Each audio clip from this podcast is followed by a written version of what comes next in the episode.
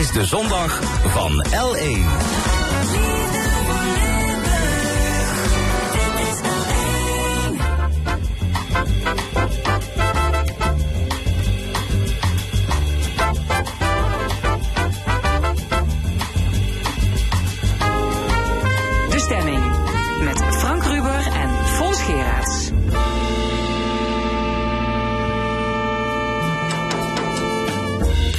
Welkom bij De Stemming, het interview- en discussieprogramma van L1 Radio.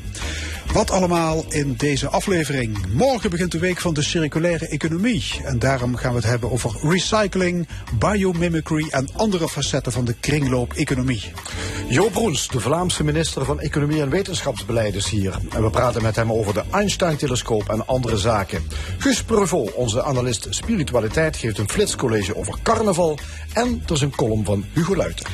De stemming duurt vandaag maar één uur, want we maken plaats voor de voetbalderby Roda JC MWV in de eerste divisie. En die wedstrijd begint om kwart over twaalf. Morgen dan begint voor de achtste keer de Week van de Circulaire Economie. Dat is een jaarlijkse campagne om circulair ondernemerschap te promoten. Dat is hard nodig, want uit onderzoek blijkt dat nog geen 15% van ons bedrijfsleven circulair te noemen is. Hergebruik van afvalstromen staat dus op een laag pitje. We gaan erover praten met Yvonne van Lid. Zij is docent en onderzoeker aan de Fontes Hogeschool. En met Stefan Damer, directeur van de firma Blue Plastics. Welkom allebei. Yvonne van Lid, om met u te beginnen. Wat is circulaire economie? Ja, voor mij is de circulaire economie uh, het echt anders omgaan, anders denken over grondstoffen, producten, processen en services of diensten. Oké, okay, met als resultaat uh, geen afvalbergen meer, alles ja. wordt hergebruikt. Ja, maar het gaat nog veel verder dan dat. Ik vind dat het ook echt een verandering is om uh, langer met spullen te doen. Te bedenken, kunnen we spullen anders ontwerpen met minder, minder grondstoffen. En kunnen we bijvoorbeeld uh, richting een deeleconomie, dat je wat anders gaat denken over bezit. Dat hoort ook allemaal ja, bij kortom, de het is echt een containerbegrip, circulaire ja, economie. Ja, zeker. En dat moet in de plaats komen van het huidige systeem. Dat is ingericht op maken, gebruiken en weggooien. weggooien Want ja. dat is niet meer houdbaar? Ja, dat lineaire systeem, ik denk dat we dat om ons heen allemaal zien. Uh, er zijn grondstoffen die eindig zijn, die opraken op termijn. We zijn ook afhankelijk van buitenland, uh, geopolitieke situatie erbij. En we hebben aan de andere kant, uh, ja, aan het einde van de levensfase van een product, hebben we heel veel afval. En de milieubelasting daarbij. Ja. ja. Stefan Damer, u bent van Blue Plastics. Mee eens met die buurvrouw? Ja, ik, ben, ik ben het er zeker mee eens. Uh, hergebruik is uh, heel belangrijk. En uh, het kan ook. Dus het, de verandering die gaande is. Want ik vind wel dat er een verandering gaande is. mensen zamelen meer in. herverwerking wordt veel meer naar gekeken. Er wordt heel veel geld geïnvesteerd in het hergebruiken van materialen. Of het, her, het opnieuw bruikbaar maken van materialen. Grondstoffen hergebruiken. Ja, dat gebeurt echt veel. Ja, vroeger heette dat toch gewoon cradle to cradle, hè? Ja, dat is... Uh, die term is een beetje uitgestorven. Ja, maar dat is wel waar het zo'n beetje op neerkomt, zeg maar. Dus ja. dat je aan het eind van de levenscyclus het weer tot een nieuw, ja, tot, van de tot wieg, het begin tot de wieg, terugbrengt. Ja. ja. Waar kun je circulaire economie toepassen? In dat, welke sectoren? Dat kan heel breed. Ik denk Landbouw, in alle sectoren. Ja, ik denk Landbouw, ook maar ook de productie van uh, high-tech equipment. Uh, eigenlijk en ook de, maakindustrie, Ja. de bouw. Zeker, zeker, Zeker. zeker. zeker. En bouw gebeurt ook heel veel. Uh, naar isolatiematerialen, hergebruik van puin, uh, hergebruik van beton. Uh, dus dat gebeurt in de bouw is juist een, een, een sector waar heel veel gebeurt op hergebruik van Ja. materiaal. Wat ook moet, Maar is want je net- moet tegenwoordig uh, stikstof, uh, aan stikstofnormen voldoen. En dat is iets anders. Dat, je, dat kan je niet zomaar kopen. Dan moet je aan die regelgeving moet je gaan Dus je voldoen. moet wel. Je, Ja. ja. je wordt verplicht. Uh, Zeker. uh, zeg maar. Ja. Nu is er net een rapport verschenen van het Planbureau voor de Leefomgeving. Eh, de afspraak is dat we in het jaar 2050 helemaal circulair zijn. Maar die kringloop-economie die loopt voor geen meter. We liggen enorm achter. Ehm, waarom schiet het niet op, Yvonne van Let? Ja. Enig idee? Nou, als ik de parallel eventjes maak met de energietransitie, dan is de circulaire transitie veel, veel complexer.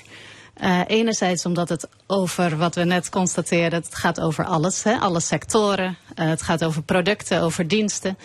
Maar ook de impact uh, hè, van het afval en van de milieubelasting is heel divers. En daar komt ook bij dus de geopolitieke afhankelijkheid en andere factoren. Um, de grondstof. Uh, ja, je hebt met een hele keten te maken. Ja, dus voor die ondernemers is het een heel, heel gedoe, zeg maar. Het is heel gecompliceerd. Ja. Misschien ook wel heel erg duur. Die transitie? Ja, komt natuurlijk ook uh, bij kijken. Uh, maar je moet vooral ook die hele keten van producent tot afvalverwerker eigenlijk meekrijgen daarin. En de consument speelt denk ik een hele belangrijke rol. Ja. En voor de consument is ook die transitie veel uh, complexer en moeilijker te begrijpen, denk ik. Mm -hmm. En wie geven het goede voorbeeld? De kleine start-ups. Zoals uw bedrijfje. Ja. Meneer Damer, u bent van Blue Plastics. Jullie zitten op Camelot in ja. Sittard Geleen. Wat doen jullie precies? Uh, wij uh, recyclen polymeren. Plastics eigenlijk. Plastic. En wij focussen op uh, transportverpakkingen. Dat zijn verpakkingen die leven maar heel kort. Hè. Die zorgen ervoor dat het materiaal dat geproduceerd is bij een fabrikant naar een gebruiker wordt gebracht. Dus als je potjes van de hak, uh, zeg maar, die moeten bij de Albert Heijn in het schap of bij de Jan Linders. Daar zit een folietje om en er zit een kartonnetje onder. Alleen maar om die potjes veilig en schoon en droog in het, in het rek te krijgen. En dat plastic, dat is, heeft een maand geleefd, heeft zijn functie gehad en is eigenlijk niet gebruikt. Tenminste, heeft daardoor wel een hele hoge uh, milieubelasting, omdat je uh, in die korte tijd van afval, van product naar afval, um, uh, ja, het gaat heel snel. Dus daardoor heb je een hoge CO2-belasting van, van je gebruik. Die folies willen wij terug herverwerken in dezelfde folies om datzelfde nog een keer te kunnen doen. Dus jullie maken van afvalplastic uh, nieuwe rollen plastic folies. Daar komt het, ja, daar komt het op neer. Die gezegd. teruggebruikt kunnen worden in de oorspronkelijke toepassing. Ja, één keer of eindeloos? Zeven keer. Wij gaan nu uit van zeven keer. Oké. Okay. En uh, uh, omdat je in die kringloop, als je daarin bezig bent, eigenlijk zou je kunnen zeggen dat is eindeloos voor nu. Maar als alle folie herverwerkt zou worden op dezelfde manier, dan denken we dat je zeven keer voordat je moet gaan boosten, voordat je um, uh, uh, de eigenschappen weer omhoog zou moeten brengen. Ja. En hoe komen jullie aan dat afvalplastic? Ja, er wordt ingezameld. Uh, uh, komt van een Albert Heijn, van een Aldi, van een uh, Jan Linders, die zamelen dat alleen. Maar ook um, bij VDL wordt het ingezameld als ze auto's fabriceren onderdelen komen ook in plastic folie aan. Ja. Uh, bij bol.com, uh, de distributiecentrum, daar komen heel veel van die foliestromen uh, bij elkaar. Ja, het is toch een, zit toch in de proeffase, zeg maar. Ja. De bedoeling is om volgend jaar een echte fabriek op te starten. Ja. Er is 21 miljoen euro voor nodig. Ja. Wie, wie betaalt dat? Het zijn privéondernemingen die daar de grootste hap in zetten. Ik werk zelf voor een distributiefirma van polymeren. En wij kunnen niet aan de vraag van de klanten voldoen. We hebben dat geprobeerd hè, om materialen te kopen en naar onze klanten te brengen. Dat gaat niet zo goed. Uh, dus uh, uh, ja, dan moet je het zelf gaan doen. Ja. En is dit een veelbelovend procedé? Ja, zeker. Is een, ik denk dat wij 30% van de energie nodig hebben met vergelijking met andere installaties. Waardoor we ja, op een veel efficiëntere, goedkopere manier een beter product naar de markt kunnen brengen. Yvonne Verlet van de Fontes Hogeschool, meer speciaal van het expertisecentrum Circulaire Transitie. Jullie doen dus ook een onderzoek. Ja. Voor, voor wie? Eigenlijk uh, hebben wij uh, wat we noemen living labs opgezet. En dat zijn plekken om te experimenteren, om te leren, gezamenlijk met het MKB, bedrijfsleven, maar ook overheid, organisaties en met studenten natuurlijk en onderzoekers. Dus dat is een ja, hele interactieve plek. Ja, dus om het samen... onderwijs helpt het bedrijfsleven om de ja, om een stukje om die circulaire processen te versnellen. Ja, okay. ja. ja. Hey, um, die omschakeling naar duurzaamheid is vaak ingewikkeld en, en duur. U zegt, kijk naar hoe de natuur dat heeft opgelost. En dat is de essentie van biomimicry, hè? Ja. Biomimicry, dat staat eigenlijk voor bios en mimesis. En uh, het, het lijkt alsof dat uh, het imiteren van de natuur is, maar het gaat nog wat verder dan dat. Uh, je kunt een heleboel vormen en structuren uit de natuur bekijken. Uh, de natuur is vaak heel materiaal- en energie-efficiënt door zijn bouw met die structuren. En dat kun je natuurlijk kopiëren in je eigen product en processen. Ja, want de natuur heeft 3,8 miljard jaar ervaring, ervaring met daarmee, efficiëntie, ja. ontwerp, kringloop. Ja. En daarbij kun je ook nog naar de natuur kijken als maatstaf. Uh, de natuur doet eigenlijk zijn processen zonder giftige afvalstoffen. Hè? of überhaupt zonder afvalstoffen.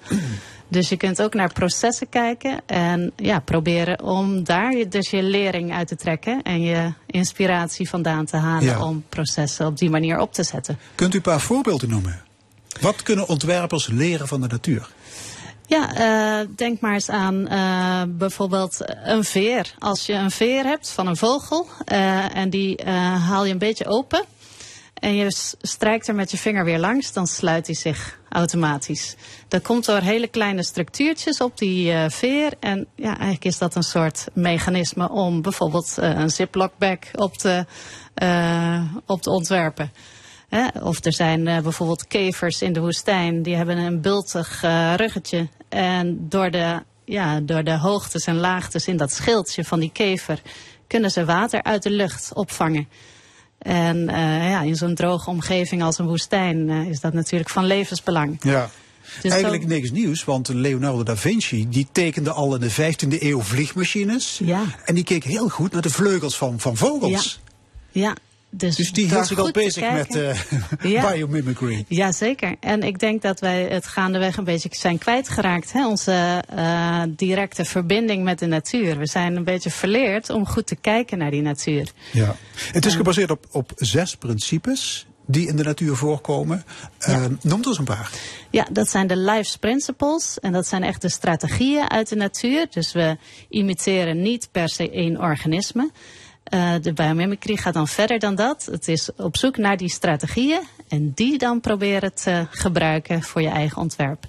Uh, en een van die strategieën is bijvoorbeeld uh, wees afgestemd op je lokale omgeving.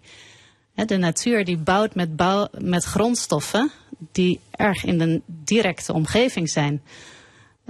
En met bouwstenen, de elementen die heel veel, voorhanden zijn. Terwijl wij uh, bijvoorbeeld voor de energietransitie en voor alle nieuwe duurzame energietechnieken maken we gebruik van die zeldzame aardmetalen. Mhm. De natuur die bouwt meer met de veel voorkomende elementen zoals koolstof, zuurstof, stikstof. En haalt zijn uh, grondstoffen heel dicht ja, om zich heen vandaan. En, en heel concreet, welke bedrijfstak heeft het meeste baat bij deze toepassing? Ik is dat denk... de voedselindustrie misschien? Nou, ik denk dat dit wel voor alle sectoren kan gelden. En juist uh, in het begin van je ontwerp, uh, als je nadenkt over een circulaire economie, dan kan het op designgebied, op het ontwerpvlak al uh, inzichten bieden. Om gewoon die, dat omdenken te gaan doen. En ja, eerst eens te kijken hoe doet de natuur het. De natuur produceert zonder afval. wat kunnen wij daaruit leren? Ja, maar de dame, had u er ooit van gehoord? Van deze ja, theorie? basisprincipes, jazeker. Ja. En, uh, en doet u er zelf iets mee? Ja, wij gebruiken ook lokaal afval als grondstof, uh, uh, zeg maar. Dan heb je minder transportkilometers. En je kan het dan ook lokaal weer, weer afzetten. Dus ja, wij, wij, maken gebruik van die basisprincipes om dicht bij huis te houden. Ja. En, ja. Dus ondernemers doen er verstandig aan om biologen toe te voegen aan hun team van ontwerpers. Jazeker. Ik denk biomimicry laat ook zien dat uh, je kunt dat niet alleen doen. Hè? Je hebt de biologische kennis nodig. Ja. En die kun je ook wel opzoeken. Er zijn ook veel databases. Er is ontzettend veel biologische kennis uh, voorhanden. Maar die moet je dan wel weten te vinden ook. Dus het is goed om met biologen te werken, met technologen, met ontwerpers. Dus het is een heel divers uh, vakgebied ja, eigenlijk, waar je het gezamenlijk doet. Moeder Natuur is de allerbeste designer die er die er is. Eigenlijk wel. Ja. ja. Zo één haakje. Ja. Het moet wel geld opleveren. Anders is het niet sustainable. Als, je, als het niet uh, uh, uh, in ons principe, onze wereld draait om het maken van geld. En als je in, je kunt een heel mooi proces bedenken, maar als je daar geen financieel voordeel uit kan halen, dan blijft het niet bestaan in onze wereld. Ja. Is dus er financieel voordeel uit te halen, mevrouw Van Lid? Ja, ik wil dat enigszins betwisten. Uh, want er zijn ook natuurlijk andere modellen. De, ook de economie uh, heeft een omslag, een transformatie nodig, denk ik. Uh, wat minder egocentrisch en wat minder berust op geld als waarde. Maar je kunt ook richting meervoudige waarde gaan denken. En richting ja, de purpose-economie of eh, ja, de andere begrippen, zeg maar. Hè. Ook het economische model is denk ik toe aan een Ja, weg met de dollartekens uit, uw- uit uw ogen, meneer, meneer Dames. Voor nu, voor nu is dat. Ik ik ben het mee eens, hè, dat de lange termijn. Maar die transitie is nog veel moeilijker. Als je nu iets wil doen, moet je, pas je binnen het eh, huidige systeem. Moet je passen binnen het huidige systeem. En dan kan je eh, eh, echte stappen ondernemen om hergebruik eh, eh, en een circulaire economie te promoten. Ja. Nou, dat ben ik ook wel eens hoor. En ik denk biomimicry laat ook wel zien dat met minder grondstoffen eh, kun je soms eh, eenzelfde stevig ontwerp maken. Hè? Kijk maar eens naar botten. Waar dus de sterkte zit op de plekken waar die nodig is. En eh, op andere plekken eh, is het juist wat hol en poreus om het lichter te maken. En ja, die voordelen benutten eh, organismen, hè, dieren natuurlijk, om te bewegen en om lichtvoetig te zijn. Eh, maar voor ons zou dat winst zijn op materiaalgebruik. ja. Goed, terug naar de circulaire doelen van het kabinet, die we dus met dit tempo niet gaan halen. Eh, het planbureau zegt er is meer dwang en drang nodig. Mee eens? Nee, daar ben ik het niet mee eens. Eh, dwang is heel moeilijk in, de, in deze om, eh, om op te leggen. Eh, richting geven en subsidies in ontwikkeling. Ja. maar bij de klimaattransitie zit er ook dwang achter, hè? Het is toch het enige dat helpt? Ja, nee, dat Anders, denk- anders gebeurt het niet. Ja, dat denk ik niet. Ik denk dat je door dwang. Ja, het is hoe je dwang toepast, maar ehm, eh, richting geven en begeleiden en ondersteunen helpt veel meer. Je moet je focussen op de plekken waar de verandering al begint. En dan draag je op die manier, verandermanagement, eh, eh, is op die manier, je richt je op de groep die graag wil veranderen. Reactie de rest volgt. Dwang en drang? Nou, ik eh, sluit me helemaal aan bij meneer Dame. Eh, want ja, ik denk ook dwang en drang is niet de weg. Maar eh, goed beleid en die stip op de horizon, duidelijker van waar gaan we met z'n allen heen. Dat wel. Ja. Beleid En waar we heen gaan is het verminderen van onze ecologische voetafdruk. Ja, Toch? dat Ja. is een mooie samenvatting. Hartelijk dank, Yvonne van Lid van Fontes Hogeschool en Stefan Damer van Blue Plastics. En morgen begint u dus de Week van de Circulaire Economie. En zometeen neemt de Vlaamse minister van Economie en Wetenschapsbeleid plaats aan onze tafel. Jo Broens heeft 6 miljoen euro overgemaakt aan de mogelijke komst van de Einstein-telescoop. Daarover zometeen meer. Eerst Harry Styles. She worked her way through a cheap pack of cigarettes. Hard liquor mixed with a bit of intellect. And all the boys, they were saying they were into it. Such a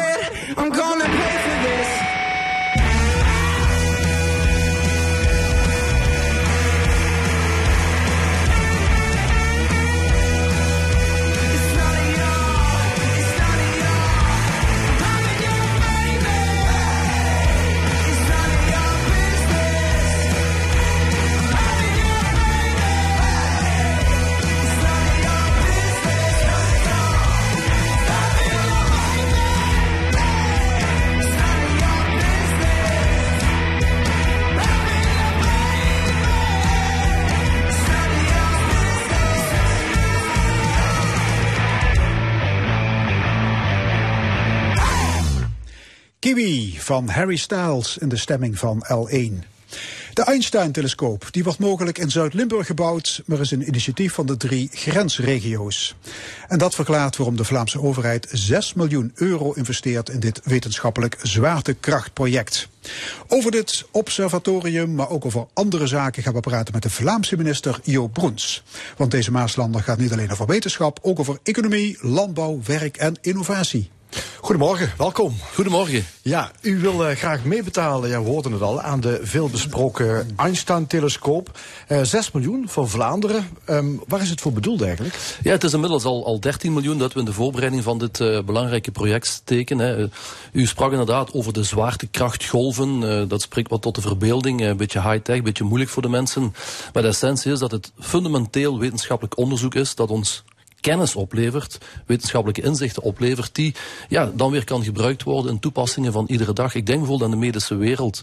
Ik was als uh, kerstversminister op bezoek in Zwitserland, in het CERN.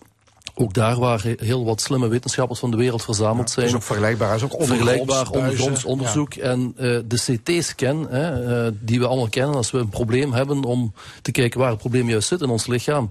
Dat zijn toepassingen bijvoorbeeld die ontstaan zijn uit wetenschappelijke inzichten van, het, uh, van onderzoekscentra van dat niveau. He, dus het is belangrijk dat al die wetenschappelijke kennis, ook met de Einstein-telescoop, dat we die gaan kunnen inzetten voor de ja, medische wereld. Bijvoorbeeld toepassingen die ertoe doen iedere dag in het leven van ons allemaal. Ja, het is een internationaal project. U betaalt ja. daaraan mee. Maar is er ook voorzien dat Vlaamse instellingen daar ook direct ja, bij betrokken raken bij die Einstein-telescoop? Mocht die er komen hier? Ja, absoluut. Ik denk dat het uh, de opzet is om alle kennisinstellingen, universiteiten, onderzoekscentra in Nederland, Vlaanderen en Duitsland, die vandaag al tot de top in de wereld behoren, om daar de krachten te bundelen, om zeg maar ja, de, de slimme kop in de wereld naar hier te halen, om echt wereldspeler te zijn op, op dat niveau, om die wetenschappelijke kennis uh, te vermarkten ook, te valoriseren naar allerhande toepassingen in het leven van, uh, van ons allemaal en iedere dag. Hè. Dat is wel de essentie van wat we daar willen gaan doen. En in de voorbereiding bedrijven mee enthousiasmeren om ja, hun productie bijvoorbeeld al voor te bereiden in, het licht van de, van de bouw van de telescoop op het drielandenpunt uh, ja, Duitsland. Hoe, doet hij dat om die Vlamingen daar ook ja, enthousiast voor te maken? Ja, we hebben nu een stuurgroep in Vlaanderen hè, onder leiding van een, een, een, manager die het wetenschappelijk project uh, voorbereidt voor ons. Ja, en die ook al het project gaat toelichten aan de bedrijfswereld, zeg maar. Hè.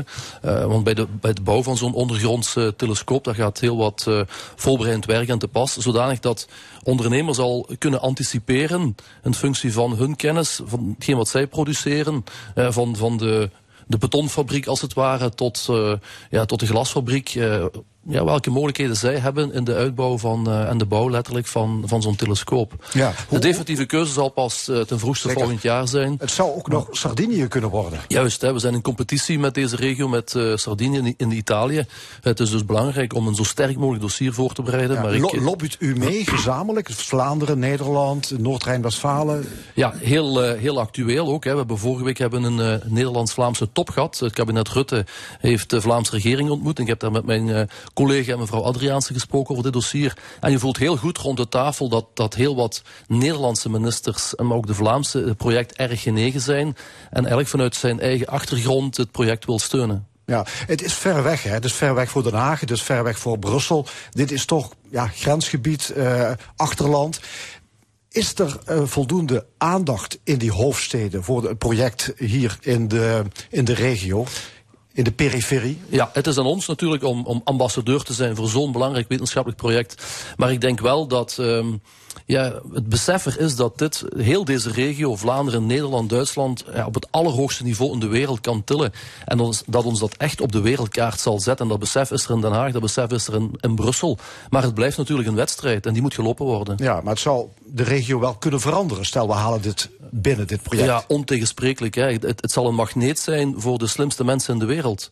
Die, die willen naar hier komen, die willen deel zijn van, die, van het wetenschappelijk onderzoek. Hè. Zwaartekrachtgolven, die, die leren je iets over ja, hoe het heelal eruit zag uh, na de oerknal, als het ja. ware. Maar heeft de maar, gewone man daar ook iets aan? Ik hoor mensen denken van ja, er komen allemaal wetenschappers, maar wat, wat, wat, wat is het voor mij? Ja, dat is natuurlijk de essentie, ik begrijp. Want als wij hier spreken over zwaartekrachtgolven, daar hebben ze thuis inderdaad niet veel aan. Maar het gaat over die wetenschappelijke kennis die daaruit voortkomt, die je kan gebruiken in toepassing van iedere dag. Dat gaat over microchirurgie.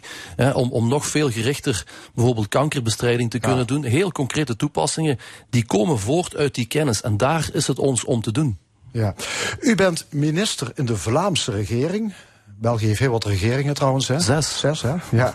Ongekend voor ons. Ja. Eh, u komt uit Kinrooi. Dat grenst eh, voor mensen die dat niet weten aan Torn, Stramprooi. Hè? Dat is de Ja, meest noordoostelijke gemeente van België. Exact. En ik zag, u bent eh, minister, maar u bent ook nog titulair burgemeester.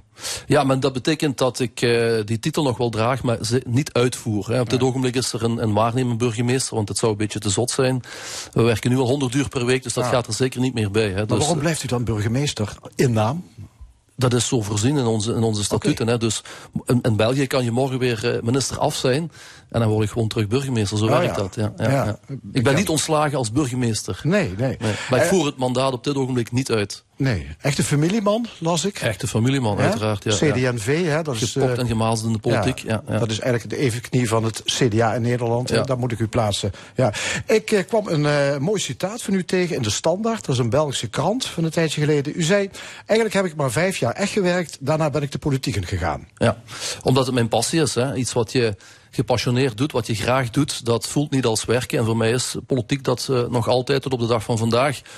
Hoewel we voor heel grote uitdagingen staan, eh, ervaar ik het nog steeds als een enorm voorrecht om eh, op het hoogste niveau in, in mijn regio dan te mogen meespelen in, eh, in die mooie, mooie job van, van minister. Ja, absoluut. Ja, ja. Als je een beetje cynisch bent, zou je het ook anders kunnen opvatten.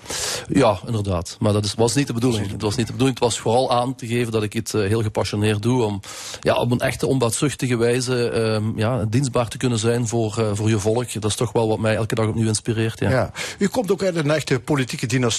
Want uw vader was ook burgemeester van Kinrooi. Ja, exact. Ja. Ja, dus eh, ik heb ook al Alle, vaak... alle touwtjes komen samen bij de familie Broens aan de keukentafel.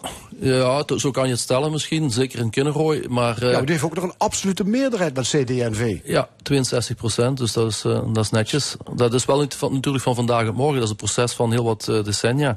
Maar ehm, het was bij mij ook zeker zo dat ik het vergelijk met de bakkerszoon, hè, die mogelijk in zijn jeugd eh, nog brood, nog fly kon zien of frikken, maar uiteindelijk toch bakker wordt. Hè. Dus ik heb zeker ook in mijn jonge jaren een zekere aversie gehad van de politiek, maar het, zit dan toch in je bloed en eh, het bloed kruipt waar het niet gaan kan. En dan komt die trein langs, krijg je het aanbod, eh, doe je mee aan verkiezingen en voor dit weet... zit je bij alleen als Vlaams minister. Ja, ja, ook dat nog. Ja, ook dat nog. Ja, maar een, een absolute meerderheid, ja, dat is de droom van, van heel veel bestuurders natuurlijk, hè? Ja, dat, eh, dat kan ik begrijpen, maar ik, ik benadruk wel dat dat niet uh, vanzelf gaat natuurlijk. Hè. Dat is een, uh, mijn vader is gestart met uh, de plaatselijke CVP toen nog, begin jaren 70. We zijn nu ja. 2023, dus dat is een hele tijd. We zijn meer dan 50 jaar ja. daaraan aan bezig. We hebben aan die weg getimmerd en ja, sinds eind jaren 90 hebben we terug een absolute meerderheid. Ja. Ja. Ik zei al, het is de meest noordoostelijke gemeente van, van Limburg, van Belgisch Limburg, hè, waar, van, van heel België trouwens, waar u vandaan komt, Kinrooi. Um, heeft die ligging, heeft u dat ook gevormd in die hoek van België? Ja, dat kan je misschien zo wel stellen. Dat wij uh, misschien voor een aantal zaken nog iets meer moeten vechten dan op andere plekken natuurlijk. Hè, want wij, wij liggen afgelegen. Maar ik, ik zie toch ook wel iedere bedreiging als een kans, als een opportuniteit. Het maakt dat ik vandaag uh, ja, uh, vier ambassadeur ben van een grensoverschrijdend project zoals de Einstein-telescoop. Ik denk dat we veel meer die grens als een, als een opportuniteit, als een kans moeten zien. Wij zijn het middelpunt van de EU-regio, het middelpunt van Europa. Ja, maar we staan nog toch vaak met de ruggen tegenover elkaar. Ik heb de indruk ja. dat Belgisch en Nederlands Limburg misschien minder van elkaar weten dan misschien 20, 30 jaar geleden. We doen weinig samen. Ja, we doen absoluut te weinig samen. Hè. Ik, ik vind dat uh, als ik zeg dat we het middelpunt van de EU-regio zijn, dan vind ik tegelijk ook dat we veel meer grensoverschrijdend moeten, nog moeten samenwerken. En dat zou, hoe zou het kunnen dat wij zo weinig samen doen? Ja, omdat we waarschijnlijk toch iedere dag opnieuw voor heel wat uitdagingen staan in onze eigen regio en, en daarvoor nog te weinig over de grens kijken. Ik vind bijvoorbeeld dat um, hier ongelooflijk veel kansen liggen, maar op vlak van openbaar vervoer, grensoverschrijdend, ja, is het uh, ronduit uh, slecht op dit ogenblik. Ja, moeten we toch één, één of twee buslijnen ja, die de grens overgaan. Als ik vandaag zie dat we nog altijd moeten strijden in Brussel en vooral ook in Den Haag om de verbinding te maken tussen Hamond en Weert, het internationale verbinding ja, die. Antwerpen ja. verbindt met het, met het Roergebied, ja, dan is dat, dat is gewoon niet goed. Het is niet goed dat wij vandaag nog altijd moeten strijden voor die, voor die grensoverschrijdende verbindingen. Het zou voor onze regio bijvoorbeeld in Vlaanderen betekenen dat ik... Uh, een snellere verbinding hebt met eender welk Vlaams station via Nederland. Ja. Want Weert Kinnerooi, dat is op amper op een kwartier. Ja, maar, maakt- maar we praten er altijd over. Ja, we, we- we- ook vaak ronkende verklaringen. En dan gaan we weer allemaal naar huis. En dan gaat het gewoon weer als vanouds. Hè? Ja, dat is inderdaad de, de uitdaging voor ons in de politiek om eh, de, de daad bij het woord te voegen. Nu, we zijn. Als je nu dat, dat voorbeeld neemt, staan we wel heel kort eh, voor, voor een doorbraak, denk ik. Dat mevrouw Heijnen daar haar engagement opnieuw heeft uitgesproken. Ja, staatssecretaris aan de Nederlandse kant. Ja. Inderdaad, exact, van Maastricht. Ehm, en ook met meneer Rutten heeft zich daartoe wel geëngageerd. Eh, er is nu een studie, die zal voor maart zijn, dus heel kort bij. Dus ik hoop dat we daar eindelijk ons ei kunnen leggen. Ja, ik was even aan het kijken. Er zijn ook wel wat overeenkomsten tussen Nederland en Vlaanderen. Uiteraard, er zijn er vele. Eh, bijvoorbeeld in uw politiek het stikstofdossier.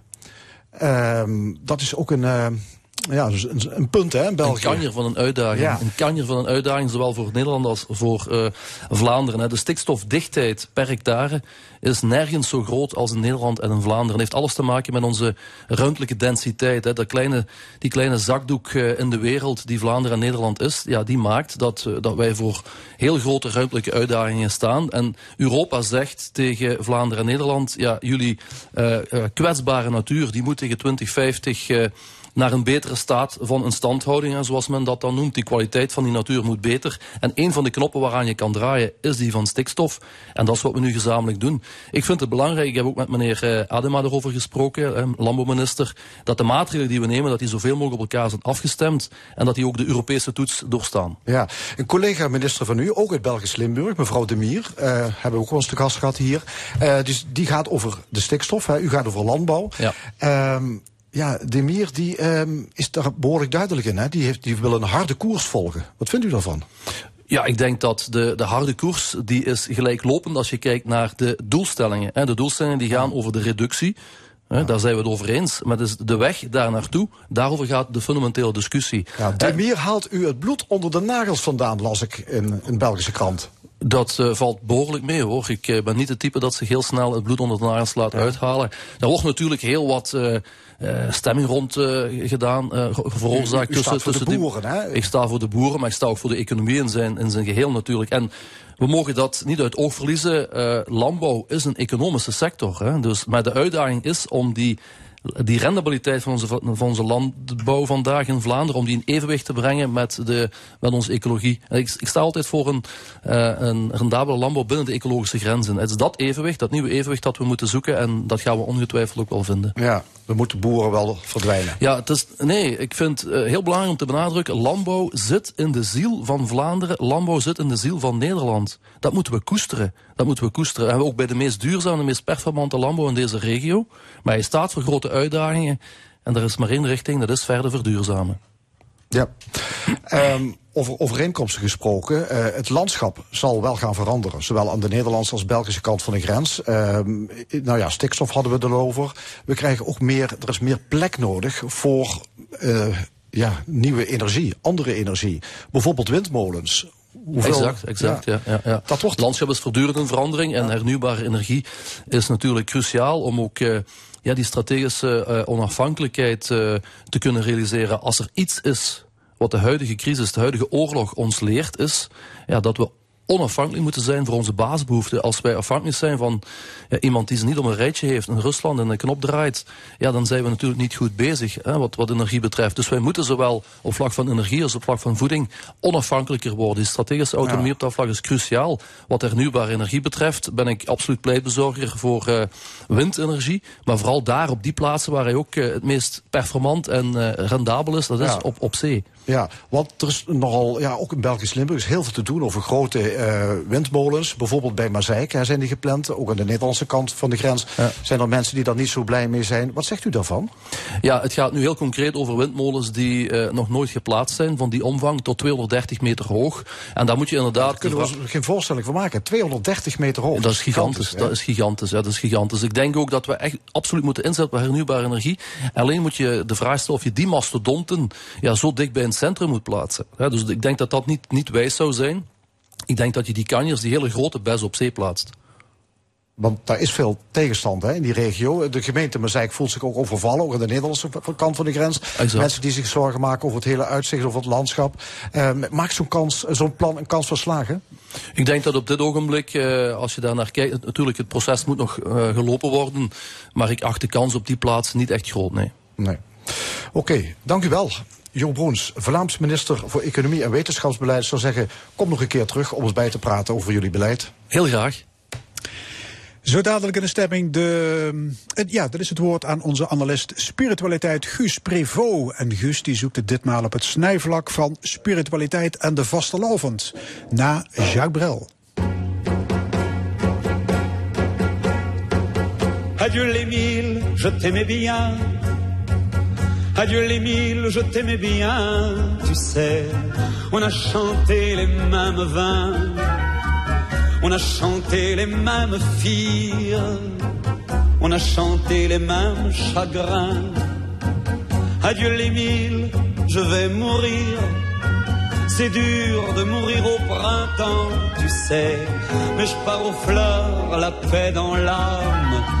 Car vu que t'es bon comme du pain blanc, je sais que tu prendras soin de ma femme. Et je veux qu'on rie, je veux qu'on danse, je veux qu'on s'amuse comme des fous. Je veux qu'on rie, je veux qu'on danse quand c'est qu'on me mettra dans le trou. Adieu curé, je t'aimais bien. Adieu curé, je t'aimais bien. Tu sais, on n'était pas du même bord. On n'était pas du même chemin. Mais on cherchait le même port. Adieu curé, je vais mourir. C'est dur de mourir au printemps, tu sais. Mais je pars aux fleurs, à la paix dans l'âme. Car vu que t'étais son confident, je sais que tu prendras soin de ma femme. Et je veux qu'on rie, je veux qu'on danse, je veux qu'on s'amuse comme des fous. Je veux qu'on rie, je veux qu'on danse quand c'est qu'on me mettra dans le trou. Adieu l'Antoine, je t'aimais pas bien. Adieu l'Antoine, je t'aimais pas bien, tu sais, j'en crève de crever aujourd'hui. Alors que toi, tu es bien vivant et même plus solide que l'ennui. Adieu l'Antoine, je vais mourir. C'est dur de mourir au printemps, tu sais, mais je pars aux fleurs, la paix dans l'âme. Car vu que t'étais son amant, je sais que tu prendras soin de ma femme. Je veux qu'on rie, je veux qu'on danse, je veux qu'on s'amuse comme des fous. Je veux qu'on rie, je veux qu'on danse quand c'est qu'on me mettra dans le trou. Adieu ma femme, je t'aimais bien. Adieu ma femme, je t'aimais bien, tu sais. Mais je prends le train pour le bon Dieu. Je prends le train qu'avant le tien. Mais on prend tous le train qu'on peut. Adieu ma femme, je vais mourir. C'est dur de mourir au printemps, tu sais.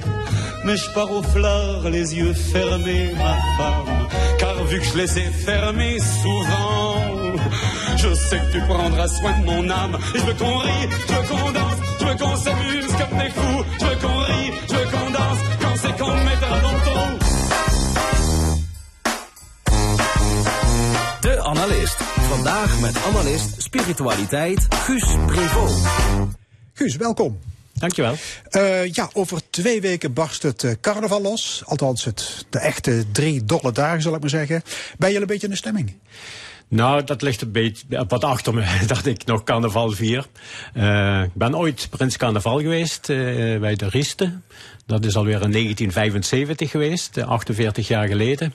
Dus nu doe, ik- doe ik het wat kalmer aan. eh, Margraten. In Dus Margraten, ja. 48 jaar geleden was jij prins carnaval van de Rieste. Dat klopt, ja. Hoe kijk je daarop terug? Was dat een hoogtepunt in je leven? Och, een hoogtepunt. Het, het was een hele drukke tijd. En ik heb direct daarna gezegd van het was hartstikke mooi, maar dit nooit meer. Ja, waarom? Om, ja, je, je wordt geleefd, hè. In die tijd, en is Margraten niet zo groot. Maar je hebt je eigen agenda niet meer in de hand. Je wordt meegesleurd van de ene bijeenkomst naar de andere bijeenkomst. Overal moet er natuurlijk een pilsje gedronken worden. In die tijd kon ik daar nog wel tegen. Tenminste, dat hoopte ik. Maar je wordt geleefd. En eh, in die zin eh, eh, was ik blij dat het achter de rug was. En de Riest is afgeleid van de Riest de Vla, hè? Ja, ja, dat klopt. Ja. Dat is Margraten. Ooit iemand naar Aken geweest. Die daar de Riestevlaai heeft meegenomen naar Margraten. En zo is het een echt gebak van het Margratense geworden. De vereniging is al opgericht in 1937. Ja, ik heb wat gelezen over de geschiedenis van de Rieste. En ik kom opvallend vaak de achternaam Prévost tegen. Ja, ja. Fons eh, Prévost, Wiel Prévost. Op de Rijksweg had je Café Prévost. Ja. Familie, familie van je. Ja, ja, ja, ja, het zijn allemaal ooms. en mijn vader, Leo Prevot, die was ook een voortganger, voorganger in de, in de carnaval. En dat eh, café, dat eh, was mijn opa. Eh, dus daar zal zeker eh, duchtig carnaval gevierd zijn. Wiel Prevot eh, woonde tot aan zijn overlijden in Meersen. Ehm, dat was een van de initiatiefnemers van de carnaval in Margraat in 1937. En het café bestaat nog? Nee, nee, het café is al lang, Lang dicht. al lang dicht. Guus, is er vanuit de optiek van jouw specialisme, de spiritualiteit, iets te zeggen over de vastelovend? Ja, je kunt eh, de relatie leggen met eh, zeg maar de kerk. Hier in, in Limburg met de Rooms-Katholieke kerk. Als je kijkt waar carnaval gevierd wordt, dan is dat van oudsher in katholieke gebieden. Het is niet zo dat ieder katholiek, katholiek gebied ook carnaval viert, maar daar waar het gevierd wordt, daar zie je dat er die, die regio katholieke wortels heeft. Hè. Dat is hier, en over Limburg. Limburg, Brabant, Brabant. maar ook een plek als Oldenzaal. eh, heel katholiek, onder de rook van Münster. Ook daar wordt carnaval gevierd. En hoe ehm, staat en stond de katholieke kerk tegenover carnaval? Ik denk dat ze tegenwoordig carnaval heeft geaccepteerd. Hè. In heel veel parochies eh, wordt, eh, geloof ik, een carnavalsmis gehouden. Eh, als het begin van de carnaval in het dialect. Dat is ooit wel anders geweest. 50, 60 jaar geleden waren toch heel veel pastoors mordicus tegen. En dan werd er eh, tijdens carnaval werden er eh, gebedsvieringen van 40 uur gehouden. Om de mensen maar aan de carnaval te onttrekken. Er Wat gebedsdiensten van 40 uur lang. uur om, om te zorgen dat er geen carnaval werd gevierd. Ja, ja. Er is zelfs ooit een, Dus- was een eh, pater in Tilburg geweest. Die eh, midden van de 19e eeuw gestoord werd tijdens de mis door het carnavalsgeluid. En toen een verbod van 100 jaar heeft uitgesproken op het vieren van carnaval in Tilburg. En het gekke is, men heeft zich daar ook nog min of meer aan gehouden. Ah, Op, op de knieën, met de rozenkrans. zoiets, Ja. zoiets. Maar ik vrees dat die marathongebeden weinig effect hebben gesorteerd. Eh, tegenwoordig niet meer. En het is ook een beetje raar dat de kerk zo mordicus tegen was. Want eh, eh, er zijn heel veel theorieën over het ontstaan van carnaval. En twee ervan die hebben eigenlijk met de katholieke kerk te maken. De eerste is dat de katholieke kerk als het ware, zoals zo vaak gebeurde, een heidensfeest heeft gekerstend en opgenomen heeft in het katholieke jaar. En de andere is dat zelfs de katholieke kerk de uitvinder is geweest van het carnaval. Om mensen zeg maar een tijdje bloot te stellen aan liederlijk gedrag. Veel drinken, veel eten. Om ze zo als het ware eh, te laten zien hoe liederlijk dat gedrag ook was. Om ze zo voor te bereiden op, een, eh, op de vaste tijd en op een beter gedrag eh, met het oog op God en de samenleving. Dus in die zin is het wel wat raar dat de kerk eh, een tijdje lang zo tegen het carnaval is geweest. Zeker als je bedenkt dat er in de 14e eeuw al een paus was, Clemens VI, die zoveel carnaval vierde dat hij El Pape Carnaval werd genoemd.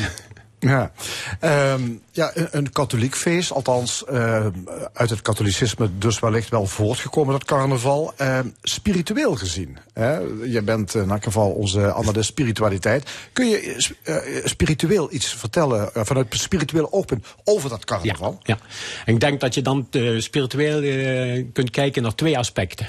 En dat betekent wat heeft het spiritueel te maken voor onze gemeenschap en wat heeft het individueel voor mensen te betekenen. En laat ik beginnen met, met die gemeenschap. Ik denk dat je carnaval kunt karakteriseren als het feest van het gelijk zijn in plaats van het gelijk hebben. Eh, daar, daar lijkt het wel een beetje op een kerkelijke viering. Als het goed is, eh, dan is ook daar, eh, staat voorop dat je als gelijke daar aanwezig bent. Dan gaat het niet zozeer over je mening die je hebt en die je aan iedereen wil voorkomen. Of, je, of je positie of zo. Of je positie en zo. Dus eh, als, alle, als ik die vergelijking maak tussen carnaval en een heilige mis, dan zal een buterreter meteen zeggen, ja, er is wel één groot verschil. En dat is bij een mis drinkt er maar iemand, één iemand alcohol. en dat is met carnaval wel wat, wat meer. Maar ik vind dat wel belangrijk, ehm, dat, eh, dat gelijk zijn. Dat het een gemeenschapsfeest is. Eh, we hebben nu die hele ehm, discussie rondom pol- polarisatie. Eh, en daar denk ik, die, die stamt, die polar- polarisatie, die komt door het feit dat we te veel uit ons ik denken, vanuit een ik-gevoel denken. Terwijl carnaval net het gemeenschapsgevoel, het wij-denken wil eh, benadrukken. En dat zie je zelfs aan het getal 11. Dat noemen we het ge- gekke getal. Ehm, de 11e van de 11e, de, de, de, de, start van het carnaval. Maar het is mogelijk, ik ben daar niet echt een deskundige op, maar ik heb het, ben het wel tegengekomen. Het is mogelijk dat 11 geen getal is, maar een afkorting. Een afkorting van de, de Franse eh revolutieslogan. égalité, liberté, fraternité. Oftewel gelijkheid, vrijheid en zusterbroederschap. Wat natuurlijk dat gelijk zijn, dat gemeenschapsgevoel eh, benadrukt. Eh, en van 11 naar Alaaf. Alaaf heeft een wat andere afkomst. Eh, betekent zoiets als Keulen boven alles. Vandaar dat ze in Düsseldorf ook niet roepen natuurlijk. Maar 11 en alaaf, dat lijkt natuurlijk veel op elkaar. Als je het 11 vaak achter elkaar uitspreekt, dan, dan krijg je dat.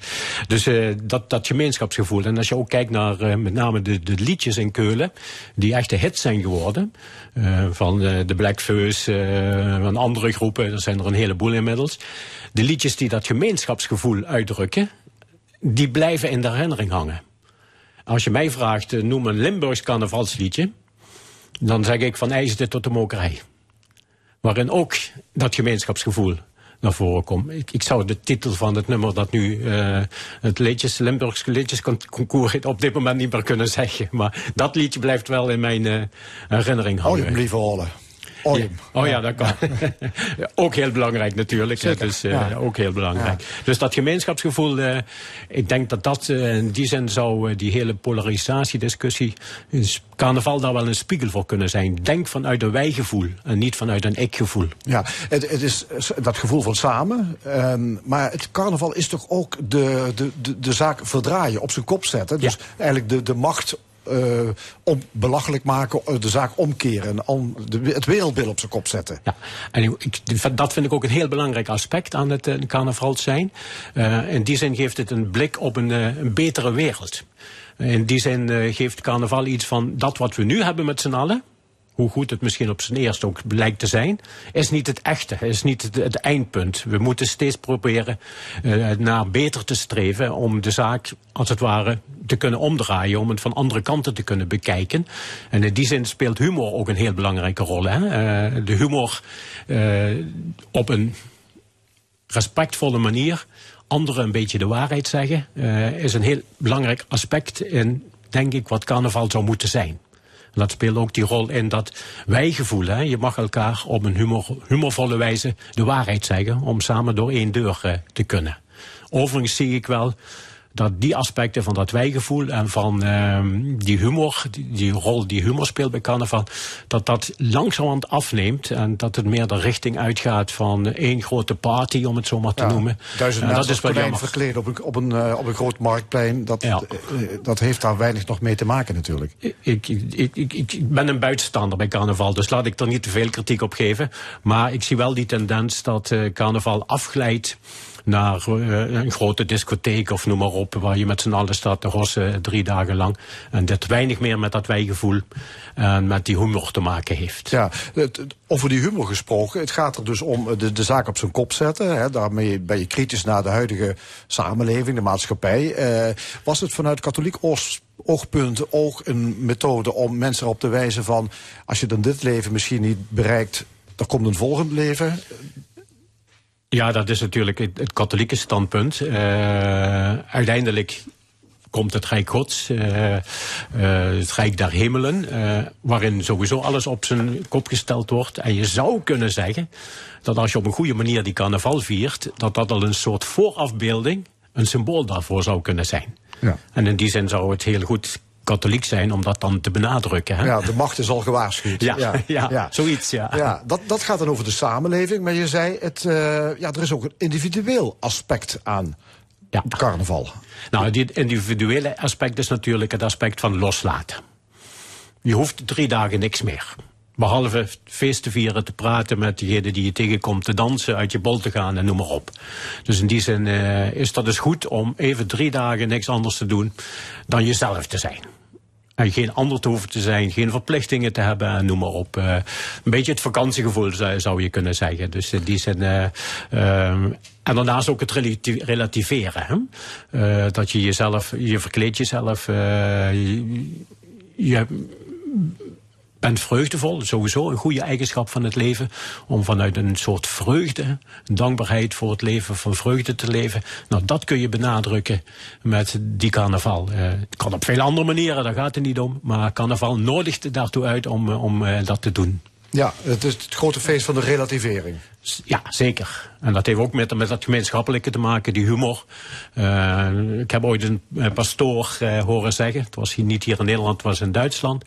Uh, tijdens een carnavalspreek, die die uiteraard begon met een mop. Die ga ik maar even niet herhalen, maar dat hij zei van humor is dat je desondanks om de situatie kunt lachen. Hoe emotioneel, hoe diepgravend, et cetera het is, dat je desondanks toch nog erom kunt glimlachen of erom kunt lachen. Ja. Ja, misschien moet je eens een keer een aparte bijdrage wijden aan het fenomeen humor. Guus. Dus, uh, Oké, okay, dat gaan ja. we doen. Heb je nog plannen met uh, de vastelovend? Nee, mijn kinderen wonen in Den Haag, dus ik ga een dagje... Dus die verkleinen als, als pastoor? heb ik wel ooit gedaan, ja. Maar nee, ik denk dat ik gewoon naar, de, naar Den Haag ga een paar dagjes. Oké. Okay. Guus Prevot, onze analist spiritualiteit, hartelijk dank. En we gaan uh, even luisteren naar Miles Davis. Of hoor ik nu de eindtune al komen? Ja, dat is de eindtune. Ja. Het, is, het is echt gedaan hoor. Het is gedaan. Want het was korter dan normaal. Hè. Dit was de stemming. Dus inderdaad een uurtje korter. Heeft alles te maken met voetballen. Vandaag eh, programma gemaakt door Edwin Maas, Fons Geraas en Frank Ruber. Volgende week, dan zijn we er weer de volledige twee uur. Dan beginnen we weer natuurlijk gewoon om 11 uur zondagmorgen. En dit uh, programma wordt herhaald maandagavond om 8 uur. En zometeen de collega's van L1 Sportradio met een rechtstreeks verslag van de voetbalwedstrijd Rode JC MVV. Ik wens u nog een mooie zondag.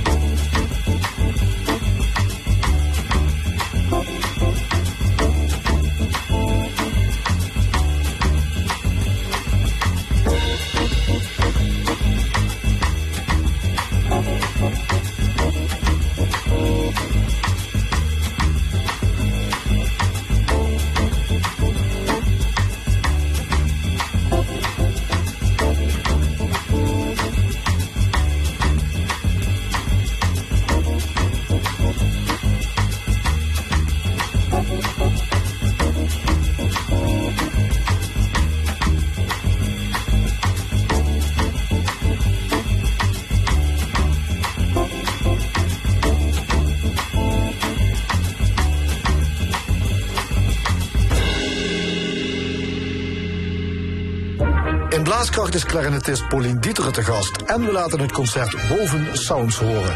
Een muzikaal programma dat gegeven werd vanwege twee 70-jarigen. De componisten Arno Dieteren en John Slangen. De gelegenheidsensemble voert werk uit van Dieteren, Slangen en andere Limburgse componisten. Blaaskracht. Vanavond van 6 tot 9 op L1 Radio.